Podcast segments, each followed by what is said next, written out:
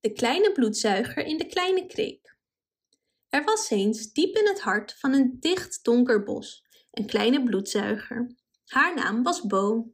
Ze woonde in een kleine kreek in het bos en bracht haar dagen door met het zwemmen en jagen op voedsel.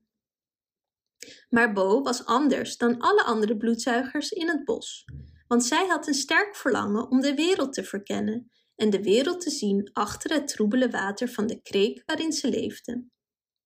Ondanks de waarschuwingen van haar medebloedzuigers ging de kleine bloedzuiger op reis. Ze kronkelde en kronkelde door de modder, over rotsen en gevallen takken, altijd vooruit. Terwijl ze reisde, kwam de bloedzuiger veel vreemde en wonderlijke wezens tegen. Ze zag vissen en kikkers, slangen en salamanders, allemaal hun gang gaan in het bos. Maar Bo de bloedzuiger was niet tevreden met het simpelweg observeren van deze wezens van een afstand. Nee, zij wilde ze van dichtbij meemaken. Dus begon ze zich aan deze dieren te hechten en gebruikte ze haar sterke zuignappen om zich stevig aan hun huid vast te klampen. En terwijl ze dat deed, leerde de bloedzuiger alles over de levens van de wezens die zij tegenkwam. Bo leerde hoe ze zich bewogen, hoe ze aten en zelfs wat ze dachten.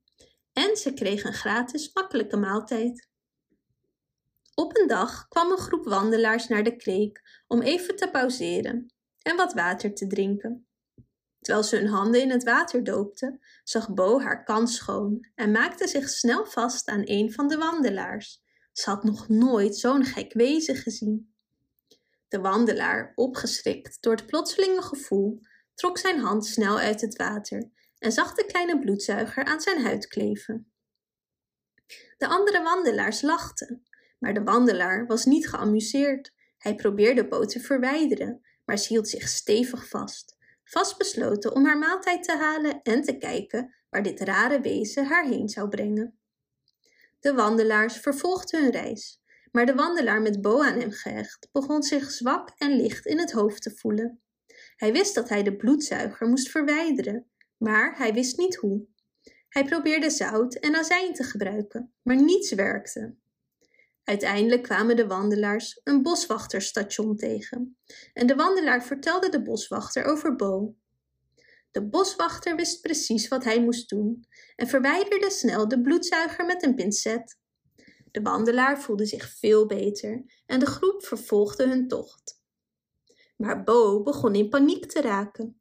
Ze was ver weg van haar huis en haar vrienden en familie en ze wist de weg terug naar huis niet. Maar gelukkig was de boswachter erg aardig en hij wist een goede plek om haar naartoe te brengen. Hij bracht haar naar een kreek in de buurt van haar huis en waarschuwde haar streng. Ik weet dat je meer van de wereld wilt zien, kleine bloedzuiger, maar hecht je niet aan mensen. Ze zijn bang voor je en zullen op de ergste manieren proberen om van je af te komen. Je hebt deze keer echt geluk gehad. Bo besefte dat hij gelijk had, en terwijl Bo verder reisde naar haar vrienden en familie, begon ze te beseffen dat ze niet zomaar een schepsel van de kreek was, maar een wezen met haar eigen unieke doel en plaats in de wereld. En met dit nieuwe inzicht, toen Bo de bloedzuiger terugkeerde naar de kreek, deelde ze alle informatie die ze had geleerd met haar medebloedzuigers.